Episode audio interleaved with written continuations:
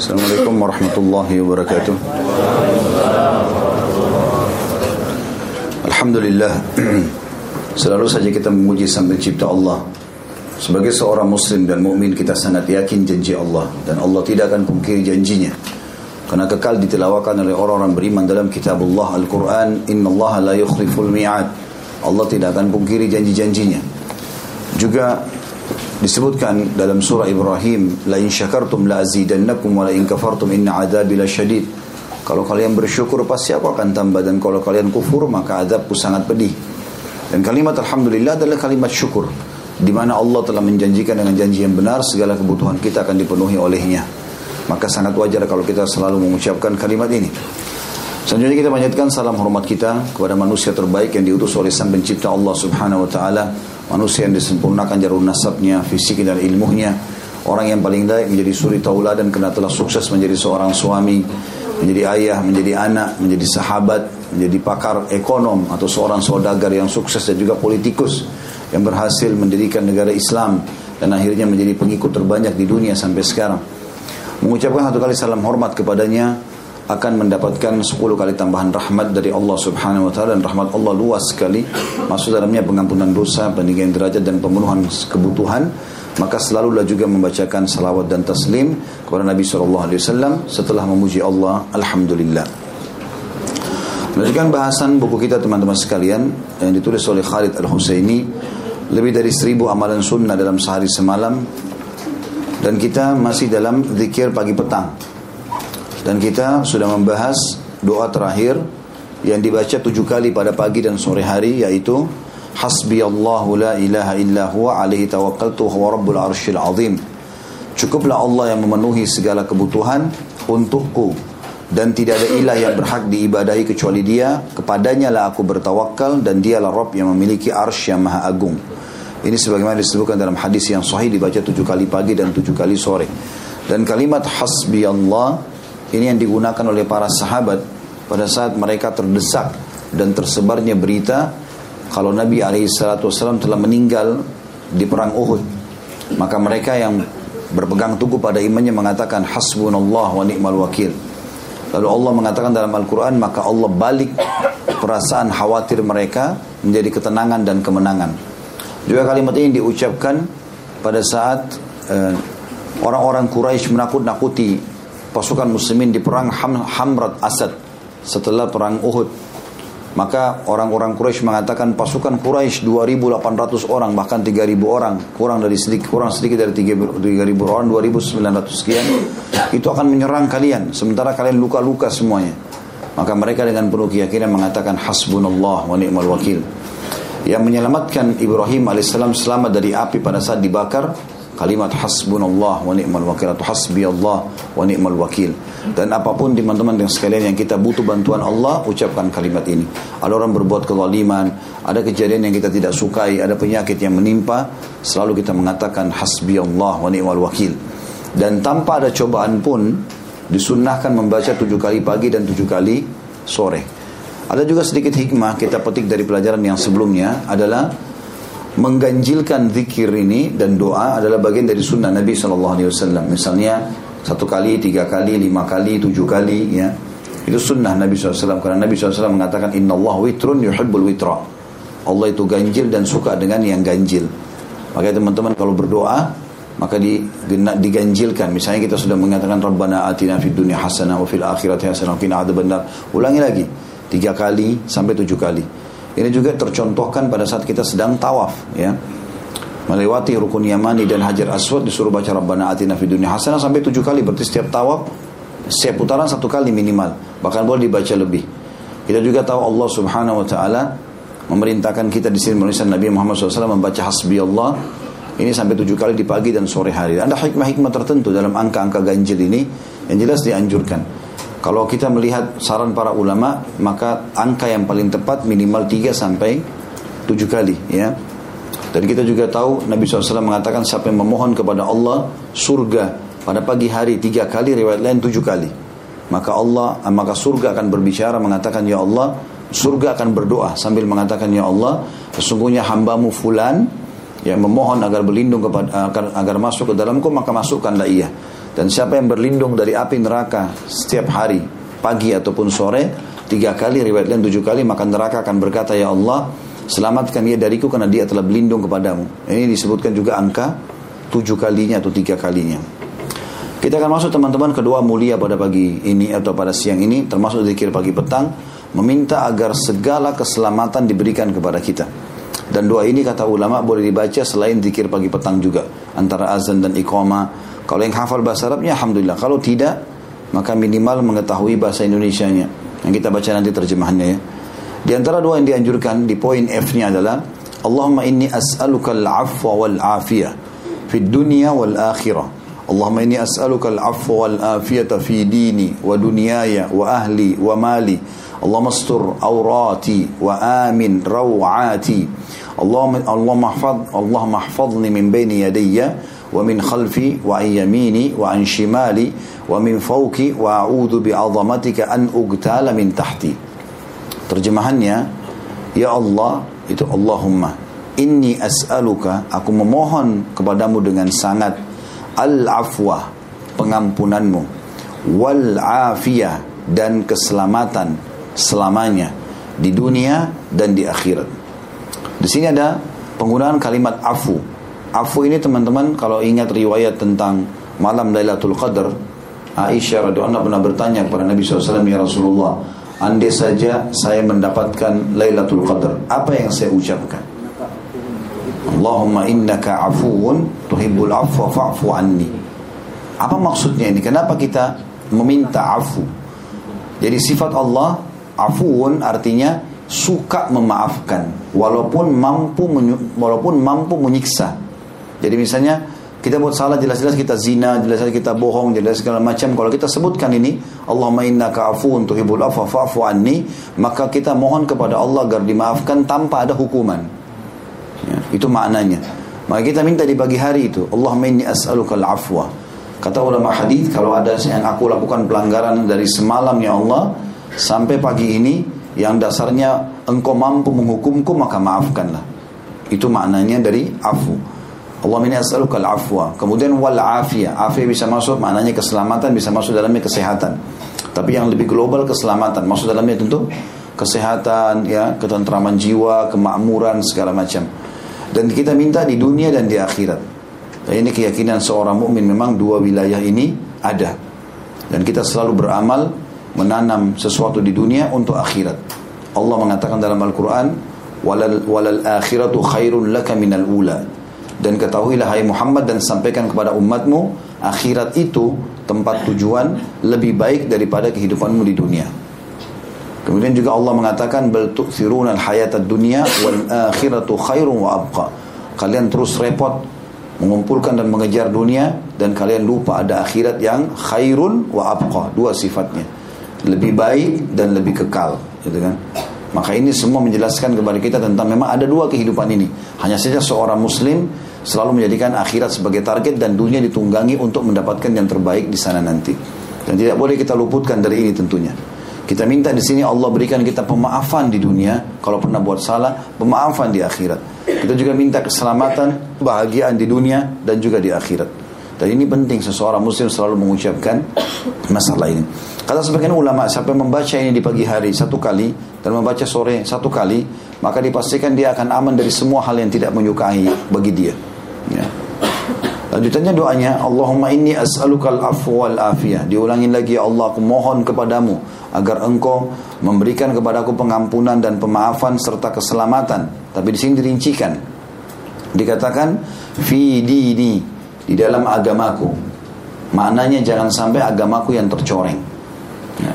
Apa pun kekurangan yang aku miliki, jangan sampai aku kurang dalam melaksanakan perintah agama wa duniyaya begitu juga dalam urusan duniaku semoga semua urusanku engkau maafkan kalau aku salah engkau berikan keselamatan agar aku dapat maksimal kalau aku targetkan. Wa ahli begitu juga dengan keluargaku. Ahli lebih dekat digunakan kadang-kadang untuk istri dan anak. Artinya kalau aku lagi bekerja aku lagi jauh dari mereka ataupun aku di sebelah di sekitar mereka maka tetap mereka dalam keadaan engkau maafkan kalau mereka salah Aku pun engkau maafkan dan engkau berikan mereka keselamatan sebagaimana engkau berikan aku keselamatan. Wa mali dan seluruh harta atau pendapatanku semua juga engkau selamatkan. Kalau ada sesuatu yang salah di situ maafkanlah aku. Af. Kemudian afia berikan keselamatan agar harta ini selalu berkah, cukup. Allahumma sur aurati, ya Allah tutuplah aurat-auratku. Makna aurat sini adalah aib dan sesuatu yang tidak layak untuk dilihat. Makanya dikatakan aurat karena kalau dilihat oleh orang orang malu atau orang ini malu gitu kan. Nah kita minta agar Allah tutupi aurat-aurat kita, maksudnya tutupi aib-aib kita. Karena kalau aib dibuka teman-teman hancurlah semua hidup kita. Siapa di antara kita yang tidak punya aib dan kesalahan? Tapi Allah SWT tutupi itu. Makanya teman-teman harus mengontrol lisan. Jangan aib kita kita sendiri yang buka.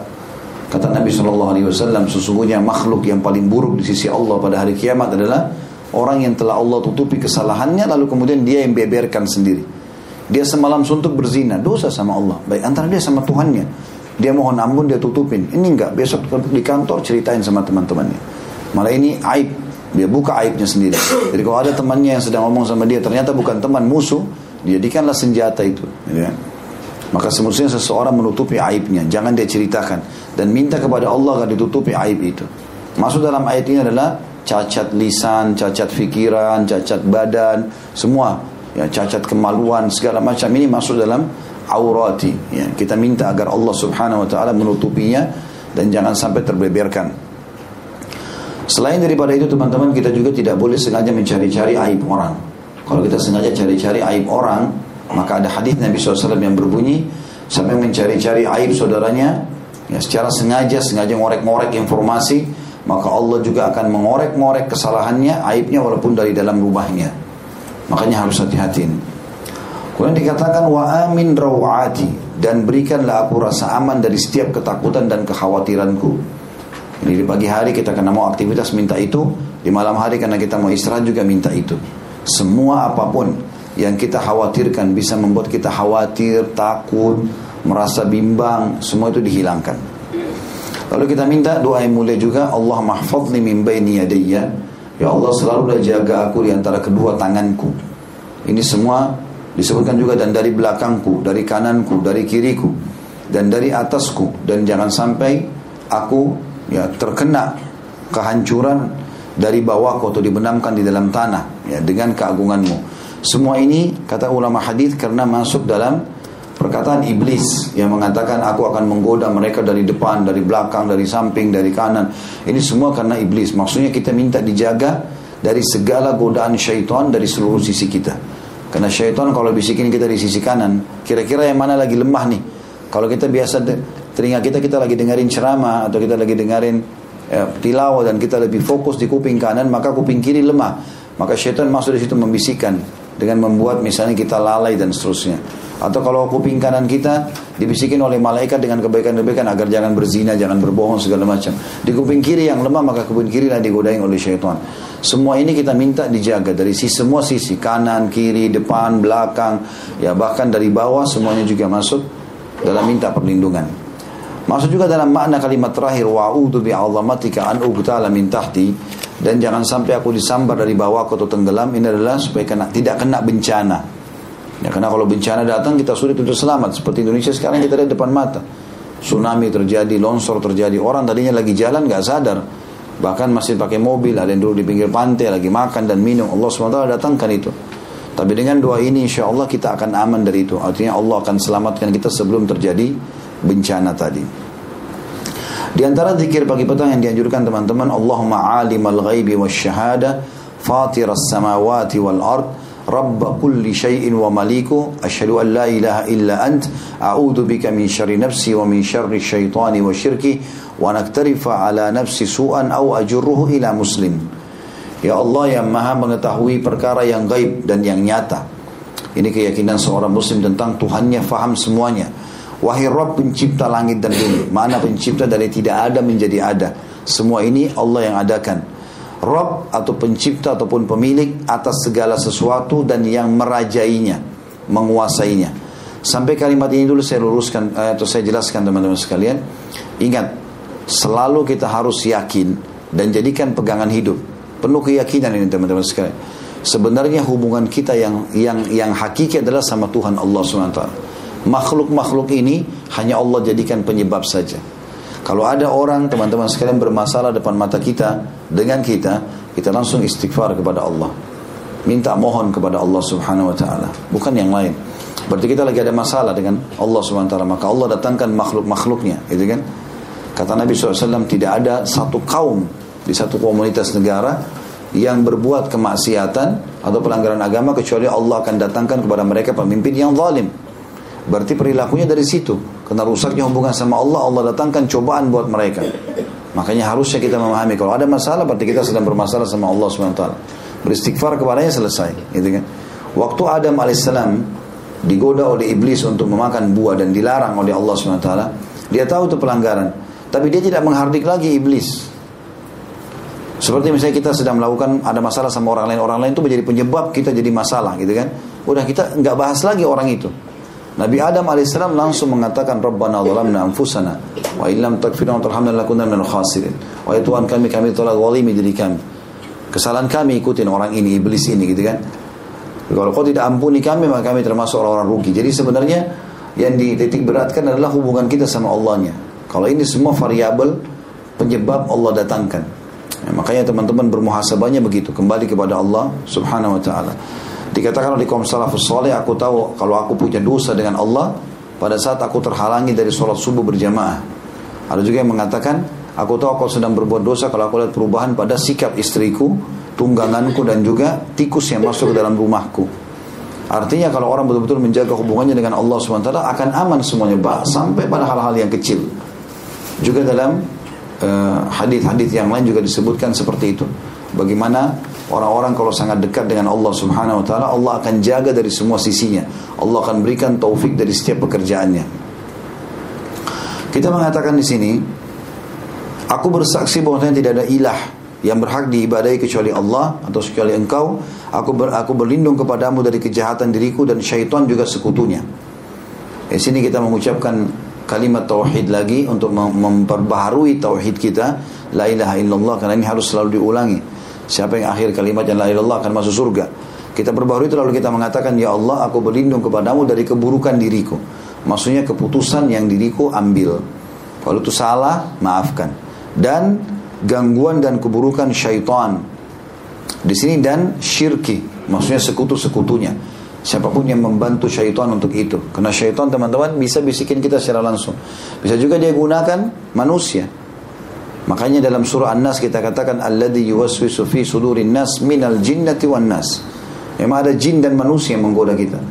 Ada kadang-kadang teman-teman syaitan bisikin kita suruh kita berzina, kita nggak mau, nolak. Jiwa kita berjuang tapi kita melawan. Terus kemudian syaitan gerakin ada orang-orang fasik di sekitar kita, mereka yang rayu. Udahlah nggak apa-apa lah gini, nanti aku yang traktir segala macam supaya kita terjerumus. Maka kita minta dijauhkan dari keburukan syaitan, jangan tergoda dengan dia dan sekutu-sekutunya. Lalu dikatakan atau riwayat lain juga ada wa'udzu bika min syarri Allahumma inni a'udzu bika min syarri nafsi wa min syarri kulli dabbatin anta akhidun binasiyatiha. Ya Allah aku berlindung kepadamu dari keburukan diriku dan keburukan semua makhluk yang ubun-ubunnya engkau memegangnya. Kata ulama hadis yang maksud adalah semua makhluk termasuk hewan-hewan, bahkan serangga segala macam nggak akan bisa mengganggu dia kalau dia berlindung kepada Allah dengan doa ini. Kemudian wa an aktarifa ala nafsi su'an dan jangan sampai aku menjerumuskan diriku pada keburukan atau pelanggaran. Ini kita berlindung kepada Allah SWT jangan sampai berbuat dosa. Kalau ada di antara kita teman-teman orang yang mau berbuat dosa lalu dia seperti terlindungi, ya, misalnya batal, gagal, ada yang tahu, maka bersyukurlah kepada Allah. Karena justru itu bentuk kasih sayang Allah. Allah ingin kita tidak terjerumus di situ. Ya. Tidak usah kita doakan keburukan, sial saya ini. Tadi janjian sama pacar, sekarang malah banjir, malah hujan Nah, Alhamdulillah kita selamat dari dosa itu. Andai saja teman-teman lihat hukumannya hari kiamat, maka tentu kita tidak berharap untuk bisa bertemu dengan dia. Ya, berapa banyak orang yang diterumuskan sama syaitan. Ada orang di dari Saudi kisah nyata diangkat oleh para ulama, dia pergi ke Thailand di musim libur, lalu dia seperti umumnya orang-orang fasik berbuat dosa, buat masalah-masalah terus. Ya. Artinya berzina, khamr segala macam. Ada satu perempuan dia jatuh cinta sekali sama perempuan ini dan setiap hari harus ketemu dia. Padahal ini perempuan tidak benar pelacur, dibayar sama dia. Satu waktu tuh pacarnya ini telat datang, maka dia kepikiran, dia telepon gak bisa mati segala macam. Kemudian datanglah perempuan tersebut.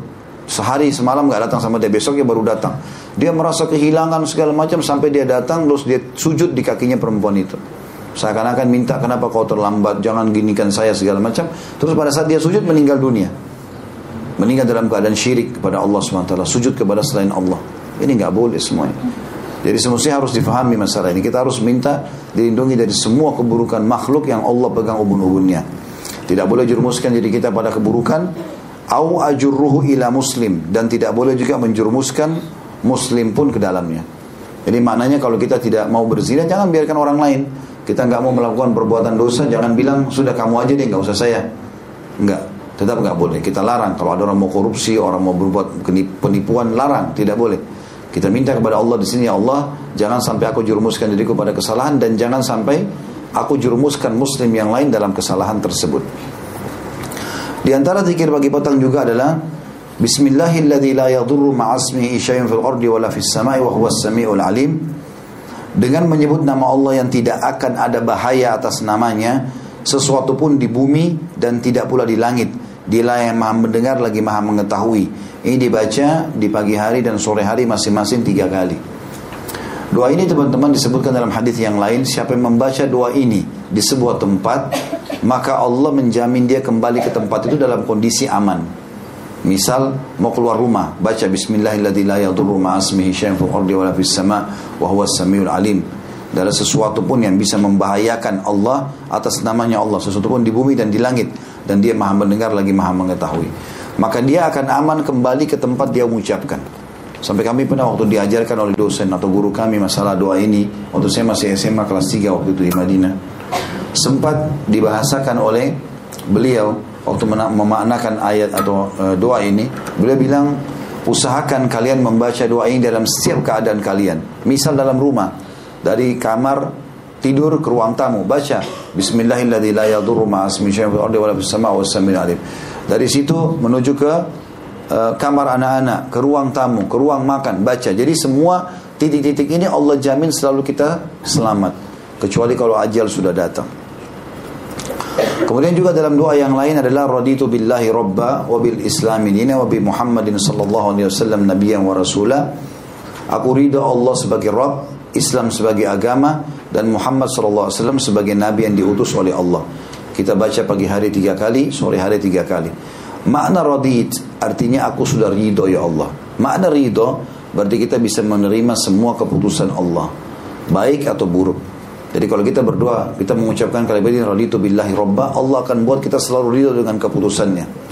Wabil islami dina, apa pun yang berhubungan dengan Islam kita selalu membelanya dan ridho wabi Muhammadin sallallahu alaihi wasallam nabiyya dan itu pun juga berhubungan dengan apa yang berhubungan dengan Nabi sallallahu alaihi wasallam semuanya kita terima dan ridho. Di antara zikir bagi petang adalah ya hayyu ya qayyum bi rahmatika astaghith wa aslih li sya'ni kullah wa la takilni ila nafsi tarfat ain. Wahai zat yang maha hidup dan zat yang berdiri sendiri. Dengan rahmatmu aku minta pertolongan. Perbaikilah segala urusanku dan jangan diserahkan kepadaku meskipun sekejap mata uh, tanpa ada pertolongan darimu. Ini dibaca minimal sekali pagi, sekali sore. Sifat Allah ya hayu ya qayyum, zat yang maha hidup dan berdiri sendiri ini, ini yang menyebabkan datangnya keberkahan teman-teman sekalian. Karena ada hadis yang lain, siapa yang membaca astagfirullahil azim, alladzi la ilaha illa huwal hayyul qayyum wa atubu ilai, akan diampuni dosanya walaupun sebanyak bui di lautan. Sifat al-hayyul qayyum ini adalah pengakuan bahwasanya Allah Subhanahu wa taala memang mampu mengerjakan apa saja dan tidak bergantung pada makhluknya. Itu juga dengan ayat kursi. Allahu la ilaha illa huwal hayyul qayyum yang memang bisa menghancurkan syaitan, mematahkan sihir. Ayat kursi yang, yang mulia. Karena ada sifat Allah al-hayyu al-qayyum. Kita minta itu, ya hayyu ya qayyum, wahai zat yang maha hidup dan berdiri sendiri. Birahmatika astagid. Dengan rahmatmu lah aku selalu meminta pertolongan. Artinya selalu saja kesenangan, kegembiraan, rezeki, nikmat yang datang kepadaku. Aslih li sya'ni kullah, perbaiki dan ambil ari semua urusanku. Kata ulama hadis, mau besar, mau kecil, mau mudah, mau sulit, semuanya ambil alih ya Allah. Bahkan kita bilang wala takilni ila nafsi tarfata'in dan jangan biarkan aku mengambil alih perkara itu walaupun sekejap mata. Artinya semua murni seperti apa yang disampaikan oleh Allah Subhanahu wa taala. Artinya apa yang ditentukan oleh Allah Subhanahu wa taala sehingga benar-benar kita tidak ada masalah lagi.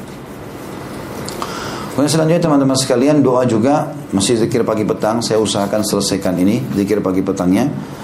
Dan ini hayya hayya bisa dibaca setiap saat ya di antara azan dan iqam antara azan dan iqamah dan setiap kali kita butuhkan juga sama. Minta agar sebuah perkara kita diselesaikan. Doa yang selanjutnya adalah asbahna ala fitratil Islam wa ala kalimatil ikhlas wa ala din nabiyina Muhammadin sallallahu alaihi wasallam wa ala millati abina Ibrahim hanifa muslima wa ma kana minal musyrikin. Di waktu pagi kami berada di atas fitrah agama Islam. Makna fitrah artinya kami berada dengan keyakinan penuh bahwasanya Islam adalah agama yang benar. Karena kita teman-teman lahir semua bayi lahir dalam keadaan fitrah. Artinya mengenal Islam. Kata Nabi SAW, Kullu mauludin yuladu alal fitrah. Semua yang baru lahir pasti dalam keadaan fitrah. Fa'abawahu yuhawidanihi. Nanti kedua orang tuanya menjadikannya Yahudi. Kalau orang tuanya Yahudi, au yunassiranihi atau menjadikannya Nasrani kalau kedua orang tuanya Nasrani, au yumajisani atau menjadikannya Majusi kalau memang orang tuanya Majusi. Jadi memang kita minta kepada Allah Subhanahu wa taala agar kita berada selalu dalam fitrah itu. Ya, tidak pernah berubah-berubah. Makanya ulama juga mengambil dalam masalah ini kalau ada anak orang non muslim kafir meninggal belum balik maka dia masih diuji oleh Allah pada hari kiamat. Dia diuji oleh Allah SWT pada hari kiamat. Ini mirip juga dengan orang-orang yang belum pernah sampai dakwah kepadanya. Tinggal di hutan, nggak ada pernah dengar dengan Islam. nggak ada fasilitas apa-apa di sana. Maka kalau mereka meninggal, itu tidak spontanitas masuk neraka. Maka diuji oleh Allah SWT. Dalam sebuah hadis dikatakan Allah akan datangkan neraka lalu mengumpulkan mereka lalu meminta mereka untuk masuk ke dalam neraka. Siapa yang patuh kepada Allah mau jalankan itu maka Allah tidak akan membuat neraka membakarnya dan Allah masukkan dia ke dalam surga karena ini ujian saja. Dan kalau yang menolak maka dia akan masuk ke dalam api neraka. Artinya walaupun dia hidup ya, dan balik atau dia didatangkan didatangi dakwah atau terdatangi padanya dakwah tetap dia akan menolak. Seperti itu dah wa ala kalimatil ikhlas. Dan kami tiba dengan kalimat ikhlas. Bisa maknanya adalah selalu ikhlas dalam beribadah kepadamu. Bisa juga maknanya adalah kami di atas kalimat tauhid. Karena kalimat la ilallah nama lainnya adalah kalimat ikhlas. Wa ala din nabiyina Muhammadin sallallahu alaihi wasallam. Dan kami selalu berpegang teguh pada ajaran Nabi Muhammad sallallahu alaihi wasallam. Wa ala millati abina Ibrahim. Dan juga mengikuti ajaran ayah kami Ibrahim. Hanifah muslimah kami selalu lurus dan menyerahkan diri kepadamu wa ma kana minal musyrikin dan tidak termasuk orang-orang yang menyekutukan Allah. Tapi di sini kekuatannya adalah bagaimana kita minta hidup dan mati dalam keadaan Islam. Di sore hari kita ganti asbahna menjadi amsayna ala fitratul Islam ya dan selebihnya sama saja. Artinya kami tiba pada sore hari dalam keadaan berpegang pada fitrah Islam itu sendiri. Di antara zikir yang dianjurkan teman-teman sekalian adalah tapi ini cukup banyak jumlahnya sekitar 100-100 masing-masing adalah subhanallahi wa bihamdi. Ini dibaca 100 kali. Kata Nabi SAW barang siapa yang membacanya 100 kali pada pagi dan petang niscaya tidak ada seorang pun yang datang pada pada hari kiamat dengan membawa sesuatu yang lebih utama dari apa yang dibawanya kecuali orang yang mengucapkannya atau seperti apa yang diucapkan atau melebihinya. Selain itu orang yang mengucapkan akan dihapus dosa-dosanya walaupun sebanyak buih di lautan sebagaimana dijelaskan di dalam hadis riwayat Imam Muslim nomor 2691. Jadi teman-teman sambil iseng waktu kosong subhanallah wa bihamdi subhanallah wa bihamdi subhanallah wa bihamdi. Ini diucapkan 100 kali. Kalau kita biasa zikir 33 dengan jari kita habis sholat di, di, di, di, dilipat gandakan tiga kali. Maka itu sudah cukup untuk mengampuni semua dosa dalam hadis walaupun sebanyak buih di lautan. Ya, ini keutamaan yang sangat besar. Juga kata Nabi SAW, dua kalimat ringan di lidah, berat di timbangan hari kiamat dan juga dicintai oleh Allah SWT, subhanallah wa bihamdi, subhanallah azim. Tapi maksud dalamnya subhanallah wa bihamdi ini. Juga maksud dalamnya dibaca seratus kali la ilaha illallah wahdahu la syarikalah lahul mulku wa lahul hamdu wa huwa ala kulli syai'in qadir. Tidak ada ilah yang berhak diibadahi selain Allah semata, tidak ada sekutu bersamanya baginya kerajaan dan baginya segala puji dia maha kuasa atas segala sesuatu. Ini kata Nabi SAW siapa yang membacanya 100 kali pada pagi dan 100 kali pada sore maka dia juga akan datang pada hari kiamat membawa pahala. Tidak ada orang yang menyamai pahala dia kecuali orang yang berbuat seperti dia atau lebih. Juga dalam hadis dikatakan barang siapa yang mengucapkan 100 kali dalam sehari, maka baginya pahala seperti memerdekakan 10 budak. Ditulis baginya 100 pahala dan dihapus darinya 100 keburukan. Baginya pelindungan dari syaitan pada hari itu hingga sore hari. Artinya dari pagi tidak akan diganggu oleh syaitan sampai sore hari. Makanya teman-teman yang terapi uh, sihir, gangguan syaitan ya, gangguan-gangguan ain, penyakit-penyakit kronis, semua ini harus dianjurkan untuk dibaca dan rutin udah harus jadi wirid dia. 100 kali pagi, 100 kali sore. Dijamin dengan izin Allah SWT dia akan selamat dari perlindungan syaitan. Juga perlindungan Allah SWT datang dari penyakit-penyakit yang sedang menimpa dia. Di antara zikir yang dianjurkan adalah membaca istighfar 100 kali. Astagfirullah wa atubu ilaih. Ini insya Allah dalam hitungan menit saja. Bahkan antum sebentar bubar, antri di lift, mau menuju ke kantor, bisa astagfirullah atubu ilaih, astagfirullah atubu ilaih. Ini saya pernah praktikin satu menit bisa sampai 100 kali. Ya. Dan pahalanya sangat besar. Dan dari mana kita tahu teman-teman? Bisa saja astagfirullah wa atubu ilaih. Ini sekali kita ucapkan diampuni dosa kita setahun atau dua tahun atau tiga tahun. Kita nggak pernah tahu bobotnya. Makanya Nabi SAW mematoknya kurang lebih 100 kali ya. Kalau astagfirullah itu pengucap, pengucapan maaf kepada Allah. Seperti kalau kita buat salah sama orang kita bilang maafin saya.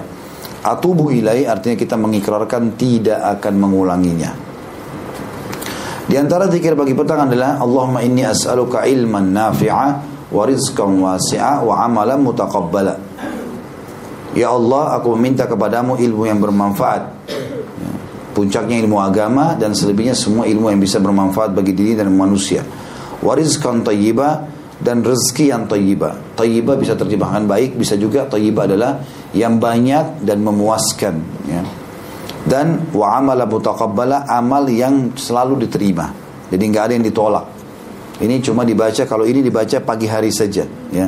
Kalau khusus ini maka ditulis itu dibaca ketika pagi sesudah sholat subuh satu kali. Ini dibaca satu kali karena biasanya orang mulai aktivitas di pagi hari itu minta rezeki dan seterusnya. Kemudian dua doa yang terakhir di sini adalah subhanallahi wa bihamdihi adada khalqi wa ridha nafsi wa zinata arsyih wa midada kalimati. Ini dibaca tiga kali. Mirip dengan tadi sebenarnya ya. Tadi sudah kita baca subhanallah wa bihamdi 100 kali. Tapi kalau ini dibaca ada tambahan sedikit subhanallah wa bihamdi maha suci Allah dan segala puji baginya ada khalqi sejumlah makhluknya Allah. Nah, jadi berapa jumlah makhluknya? Berapa jumlah manusia? Berapa jumlah jin? Berapa jumlah hewan-hewan? Berapa jumlah tumbuh-tumbuhan? Berapa uh, kadar bobotnya api, udara, air, segala macam ini semuanya itu. Kita minta ya Allah aku memuji kepadamu sejumlah makhlukmu. Waridha nafsik dan sampai kau ridho ya Allah. Kau terima itu cukup. Wazina ta'arsyih dan perhiasan singasana. Allah SWT punya singasana di langit sana yang kata Nabi SAW pada saat pulang Isra dan Mi'raj aku telah melihat ya uh, Sidratul Muntaha. Dan Sidratul Muntaha itu dipenuhi dengan dipenuhi dengan eh, perhiasan-perhiasan yang seperti kuping-kuping gajah. Dan sulit sangat sulit saya menggambarkannya kata Nabi SAW itu sidratul muntaha. Di bawah arsnya Allah. Dan arsnya Allah jauh lebih agung dan mulia daripada itu kemudian dikatakan wa midada kalimatnya dan sejumlah kalimatmu. Allah menyebutkan dalam akhir surah Al-Kahfi A'udzu billahi minasyaitonir rajim. Qul law kana al-bahru midaran li kalimati rabbi nafidal bahru qabla an tanfada kalimatu rabbi walau jina bimithlihi madada. Katakanlah hai Muhammad andai saja tujuh uh, lautan itu airnya semua dipakai untuk nulis perkataan Tuhanmu maka akan habis air lautan tersebut sementara perkataan Tuhanmu masih banyak. Ayat yang lain dikatakan tujuh kali lautan berlipat-lipat tetap tidak akan bisa semuanya menulis kata-kata Allah subhanahu wa ta'ala. Maka kita minta ya Allah, semua kebaikan zikir ini aku dapatkan sejumlah makhlukmu, ya, sampai kau ridho, sejumlah uh, perhiasan singgasanamu dan juga sejumlah kalimat-kalimatmu. Ini juga dianjurkan teman-teman doa apa saja baca ini. Misalnya kita bilang, Ya Allah berikan aku kebaikan, Ya Allah sembuhkanlah penyakitmu, penyakitku ini. Kemudian mintalah misalnya kita baca zikir, kita baca zikir apa saja. Lalu kita menutup dengan ada dakhalki, sejumlah makhluknya, warida nafsi, itu sampai dia ridha, wazina ta'arshi, sejumlah perhiasan singgasananya, wa ada kalimat. Yang terakhir teman-teman dalam zikir pagi petang adalah hadis riwayat Muslim dengan membaca a'udzu bi kalimatillahi tammati min syarri ma khalaq. Aku berlindung dengan kalimat-kalimat Allah yang sempurna dari kejahatan makhluk yang diciptakannya. Setiap kali kata beliau mengucapkan zikir-zikir tersebut dalam rangka menetapkan sunnah, maka sudah selayaknya bagi setiap muslim agar selalu memelihara seluruh zikir ini. Baik tak kala ia mendapati waktu-waktu pagi maupun waktu-waktu petang ataupun waktu sore. Istiqomalah atau bersikap uh, tekunlah dalam hal ini hingga mendapatkan besarnya kadar penerapan amalan sunnah tersebut. Sudah selayaknya pula bagi seorang muslim untuk mengucapkan zikir-zikir tersebut dengan ikhlas dan penuh dengan kejujuran, keyakinan yang mendalam dan dapat benar-benar menghayati makna hingga mampu memberi pengaruh dalam realita kehidupan akhlak maupun perangainya. Artinya bagaimana seseorang mendapatkan pahala dengan zikir pagi petang itu. Ya insya Allah mudah-mudahan dari semua rangkaian yang kita pelajari Mungkin tiga pertemuan zikir pagi petang ini Butuh sekitar 10 sampai 15 menit. Insya Allah sudah selesai. Tapi semua kebutuhan kita dari keberkahan Dari hidayah, dari rezeki Dari pengampunan semua sudah diberikan Di pagi hari itu. Maka kita tidak boleh bermalas-malas teman-teman sekalian. Dan saya ingatkan kembali syaitan tidak akan pernah memasuki tubuh orang atau bahkan tidak bisa menguasai yang membaca zikir pagi petang. Nah, itu pengakuan syaitan sendiri yang pernah dirukyah oleh seorang syekh di Madinah. Kemudian dia minta agar masuk ke badannya syekh itu. Pada saat keluar dari badan orang tersebut, orang yang sedang kesurupan, maka syekhnya izinkan. Dia kemudian masuk lagi ke badan orang yang kesurupan tadi setelah dia keluar. Lalu syekh rukyah ngomong syaitan itu. Ditanya sama syekh, kenapa kau masuk lagi? Tadi kan kata syaitannya saya ingin masuk ke badan anda. Kata syekhnya saya sudah izinkan. Dia bilang saya nggak bisa karena ada zikir pagi petang. Itu kebetulan sempat direkam itu. Ya, sehingga memang pengakuan-pengakuan syaitan sendiri yang membuat pernyataan tersebut. Ya, Allah alam. Ini bahasan kita teman-teman sekalian. Mudah-mudahan bermanfaat. Kalau benar dari Allah, kalau salah dari saya mohon dimaafkan. Subhanakallahumma bihamdika. Asyhadu an la ilaha illa anta astaghfiruka wa atubu. Wassalamualaikum warahmatullahi wabarakatuh.